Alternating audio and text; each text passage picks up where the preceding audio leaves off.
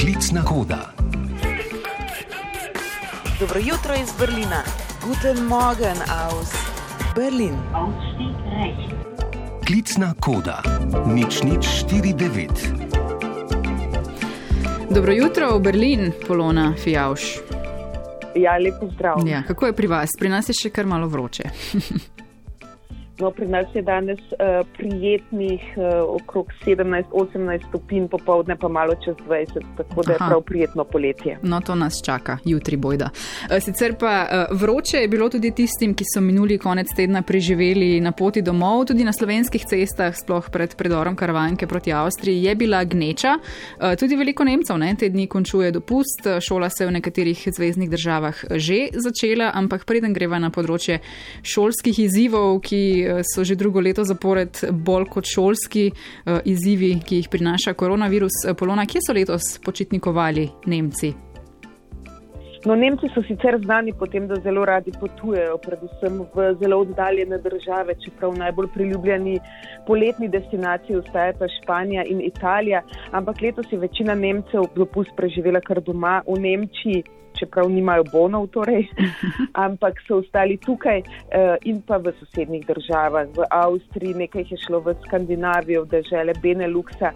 No, na Hrvaško, po teh eh, prvih ocenah, kajti del Nemčije, torej Bavarska in Baden-Württemberg um, in še nekatere manjše zvezdne države imajo še vedno počitnice, končujejo jih šele v začetku septembra, tako da oni se bodo vračali nekoliko kasneje. Ampak za zdaj se nekako ocenjuje, da okoli 2 odstotka Nemcev je šlo tudi na Hrvaško, kar je manj kot v preteklih letih, ampak to je še zmeraj okrog 2 milijona, če sem pravilno izračunala. Um, no, uh, ampak, torej, kot rečeno, Nemci so večini ostajali v deželah bliž, bližje Nemčiji. Mm -hmm in so se letos na dopuste po večini odpravili z avtomobili. Tako in raziskovali uh, Nemčijo. Uh, v Berlinu pa se je šolsko leto že začelo ne? in sicer prejšnji teden, uh, tudi, tudi v nekaterih drugih uh, deželah. Um, greva zdaj k šoli in uh, koronavirusu. Število okužb je naraslo, predvsem med otroki. Pri nas tale razprava ne, o pogojih v novem šolskem letu še zdaleč ni zaključena in še traja. Kakšni so pa pogoji v Nemčiji? Torej, kakšno šolsko leto obeta to leto? Ja, tukaj ni bilo tako, uh, tako uh, vroče ali pa nekako razprave, se, ob kateri se ne bi vedelo, kako in kaj se bo dogajalo. Tukaj so stvari zelo jasne. In sicer šola bo uh, pouk v teh deželah, kjer se je uh, začel v štirih deželah, torej ta teden se začne v uh, 18-milijonskem severnem porenju Vestfali, se je začel običajno, torej celotni razredi z vsemi krožki, z vsemi dejavnostmi. Zdaj v Berlinu so bile maske, oziroma so še zmeraj obvezne maske za prve tri tedne, potem se bodo odločali za naprej. Ampak v državi Mecklenburg pred Pomorjansko, kjer so pouk začeli nekoliko, na, eh, nekoliko prej, so od danes naprej, kljub višanju števila okužb, predvsem med otroki, maske um, odpadle, torej niso več potrebne v šolah in med poukom. Sicer velja, da se tukaj, da se otroci tudi v osnovni šoli testirajo sami trikrat tedensko, pri okužbah, ki jih je veliko, to moramo poudariti, v vseh deželah, kjer se je začel pouk, so okužbe narasle zelo, zelo strmo, bistveno bolj kot preteklo poletje, pa je zdaj taktika, da se v nekajdnevno karanteno pošlje le otroke iz neposredne bližine, torej 3 do 5 otrok, ne pa celotnih razredov. In prisotnost v šoli, ki v preteklem šolskem letu ni bila obvezna, je znova obvezna. Večina učiteljev, torej okoli 85 odstotkov tukaj je cepljenih. In um, Anja Karliček, torej ministrica za šolstvo iz CDU, je obljubila, da šol ne bodo več zapirali. In na to so se šole tukaj tudi pripravile. Tukaj v Berlinu šole so v pristojnosti dežel, torej vsaka dežela to ureja po svoje, ampak eh, po večini in primer je Berlin, so doslej na osnovne in srednje šole ter gimnazije razdelili 8000 naprav za čiščenje zraka. 3000 jih bodo dobili do jesenskih počitnic, to je sredi oktobra, pred zimo. Torej, v drugih deželah po večini od jesenskih počitnic sredi oktobra, kjer za te prezračevalne naprave še niso uh, poskrbeli, je ogromno kritik staršev, da je bilo dovolj časa, tako da po večini, kot rečeno, so za prezračevalne naprave poskrbeli oziroma bodo v naslednjih nekaj tednih. Ampak, kot rečeno, okužbe so. Um, zelo visoke, med otroki še posebej. Statistik sicer še ni, ampak eh, prve statistike kažejo, da je povprečna obolelost otrok dva dni. Eh, obstajajo tudi, seveda, eh, otroci, ki imajo daljše posledice in hujše posledice, ampak nekako tukaj vlada logika oziroma prevladala je logika, da so na račun zaščite starejših preteklo pol drugo leto največje škodo utrpeli otroci. Hmm. In zdaj, ko so najbolj tvegane skupine cepljene, je otrokom treba vrniti to, kar jim pripada in popraviti zamojeno. Ja, sicer se pa vse prepleta, ne? šola, cepljenje, eh, pa tudi cepljenje, ki v Nemčiji ni bilo cepljenje. Eh, kakšna je zgodba eh, medicinske sestre, ki je na mesto cepiva kar velikemu številu ljudi ubrizgala fiziološko raztopino? Že imamo epilog te zgodbe?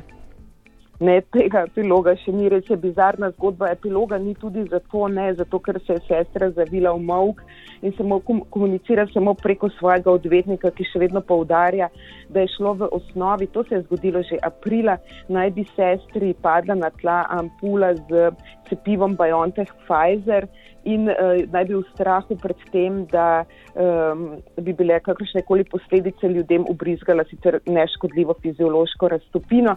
To se je potem nekako razvedelo in potem so testirali uh, okoli 200 ljudi, ki niso imeli potrebnih protiteles in so jim ubrizgali še en uh, odmerek in uh, bila je pod budnim očesom uh, preiskovalcev, ki so ugotovili, da gre uh, za nekoga, ki nasprotuje cepljenju, uh, ki ne verjame v korono, ki meni, da je korona le ena, ena blaga oblika gripe in so, in so zato ugotovili, da je bilo v bistvu to načrtno, da se je v bistvu nekdo, ki nasprotuje cepljenju, pretihotapil um, v narekovajih v cepilni center, da bi izvajal svojo logiko v to, kar sam verjame proti zakonu, torej proti pravilom in da je cepila, da naj bi cepila preko 8500 ljudi. Tukaj gre predvsem za starejše od 70. leta, za medicinske sestre, za negovalke, torej za ljudi, ki so bolj izpostavljeni uh, okužbi. Eh, ki naj bi dobili le fiziološko raztopino. Zdaj, kar bi bilo zanimivo vedeti, je, koliko od teh ljudi eh, se je potem dejansko okužilo s korono, mm -hmm. ker niso bili cepljeni oziroma so uradno bili cepljeni, ampak teh podatkov še nimamo. Ja, in tudi verjetno ta proces neiskanja teh ljudi eh, bo nekaj časa trajal, ne? da jih dejansko potem cepijo ne? in obvestijo ja, in tako naprej. Ja, tudi ta evidenca, kot kaže, mm -hmm. nekako tudi glede na nemško pedantnost, ni bila najbolje izvedena, glede na to, da ne vedo, kdo vse je bil cepljen. Mm -hmm. um, koga vse je cepila dotična sestra. Ja, sicer je pa Nemčija tudi v času predvolilne kampanje. Ne? Eh, čez dober mesec so volitve, zadnje javnomnenjske raziskave kažejo, da je izid um, in to, kdo bo uh, sedel v kanclerskem uradu po uh, gospe Merklovi, posem odprto. Uh, če se je zdelo, da bo to ali kandidat CDU, torej Krščansko-demokratske zveze Armin Lašet ali uh, zeleni uh, Annalena Berbok, zdaj kaže, da bi to zelo lahko bil tudi tudi vodja socialdemokratov Olaf Scholz, eh, kar je še pred tedni um, se zdelo posebno nemogoče. Kako to, kaj se je zgodilo? Nihče nekako ne ve, ampak uh, nekako podpora Analini Berbok in, um, in pa Arminu Lašetu iz CDU iz dneva v dan upada. Uh, in to se pozna obema tudi nekako na samozavesti. Zanimivo je opazovati Analino Berbok, ki se je že videla v kancerskem uradu, ko, uh, ko je zelenim kazalo, da bodo celo najmočnejša stranka. Uh, zdaj pa se mi zdi, da se samo nekako čaka, da tudi ona samo čaka, kdaj bo naredila znova kakšno napako, za katero bodo mediji in javnost ostro kritizirali in to se pozna tudi v njenih nastopih.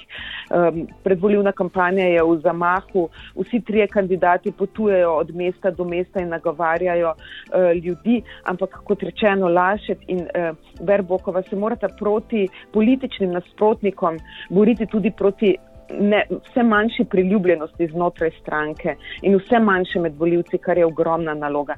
Olaf Šolc, po drugi strani, vemo, finančni minister iz socialdemokratske stranke, eh, za katerega eh, pravijo, da je predvsej nekarizmatičen oziroma je predvsej nekarizmatičen človek, ampak on se je zelo malo pojavljal v javnosti, podpora pa mu kljub temu narašča. In zdaj vidimo, CDU torej Krščansko-demokratska unija, ima zdaj le še nizko prednost pred obema ostalima strankama, okoli 23 odstotno podporo, socialdemokrati in zeleni pa 19 odstotkov, kar pomeni, da bi lahko. Um, zdaj socialdemokrati zeleni skupaj z liberalno FDP eh, naredili prihodnjo nemško vlado.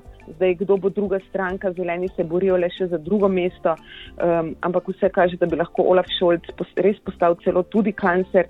Um, kar se je zdelo res nemogoče in takrat so se mu vsi smejali, ko je govoril o tem, ampak ta možnost je zdaj postala eh, precej realna. Mm.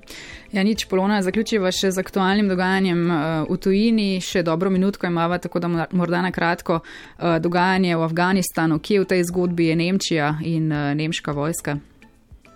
Jo, je grozno. Nemci, bi, Nemci so naredili vse, da bi jutri, ne, torej danes, danes v ponedeljek začeli z evakuacijo eh, svojih zaposlenih z veleposlaništva, um, ampak glede na hiter napredek talibanov, ki so že torej, si noči ukorakali v Kabul, uh, so jim na pomoč priskočili američani, ki so z njihovim vojaškim letalom po noči rešili 40 ljudi in jih prepeljali v Katar, ampak tam so še vedno ostali sodelavci nemške vojske. In zdaj je njihova usrednja naloga rešiti, okoli tisoč jih je še ostalo in tem ljudem povdarjajo, grozi uh, smrt. Zelo kritični so do, uh, do ZDA, zdaj nemški politiki, da so sprejeli enostransko odločitev in se umaknili, da, gre, da je odpovedal celoten Zahod, da bodo zelo dolgoročne posledice, zaupanja ni več, ne nepredstavljiva škoda, eh, grozljive posledice na sto tisoče beguncev bo spet šlo proti Evropi. Eh, skratka, z neverjetno grozo in kritičnosti spremljajo razmere v Afganistanu in Nemčiji. Tako in o tem eh, tudi v drugi jutranji kroniki, ki sledi čez dobri dve minuti. Hvala lepa, Polona Fjavš, za tole klicno kodo. Pozdrav v Berlin in prijeten začetek novega tedna. Enako tudi poslušalce. Srečno, tako do druge jutranje kronike, pa kot rečeno, dobri dve minuti.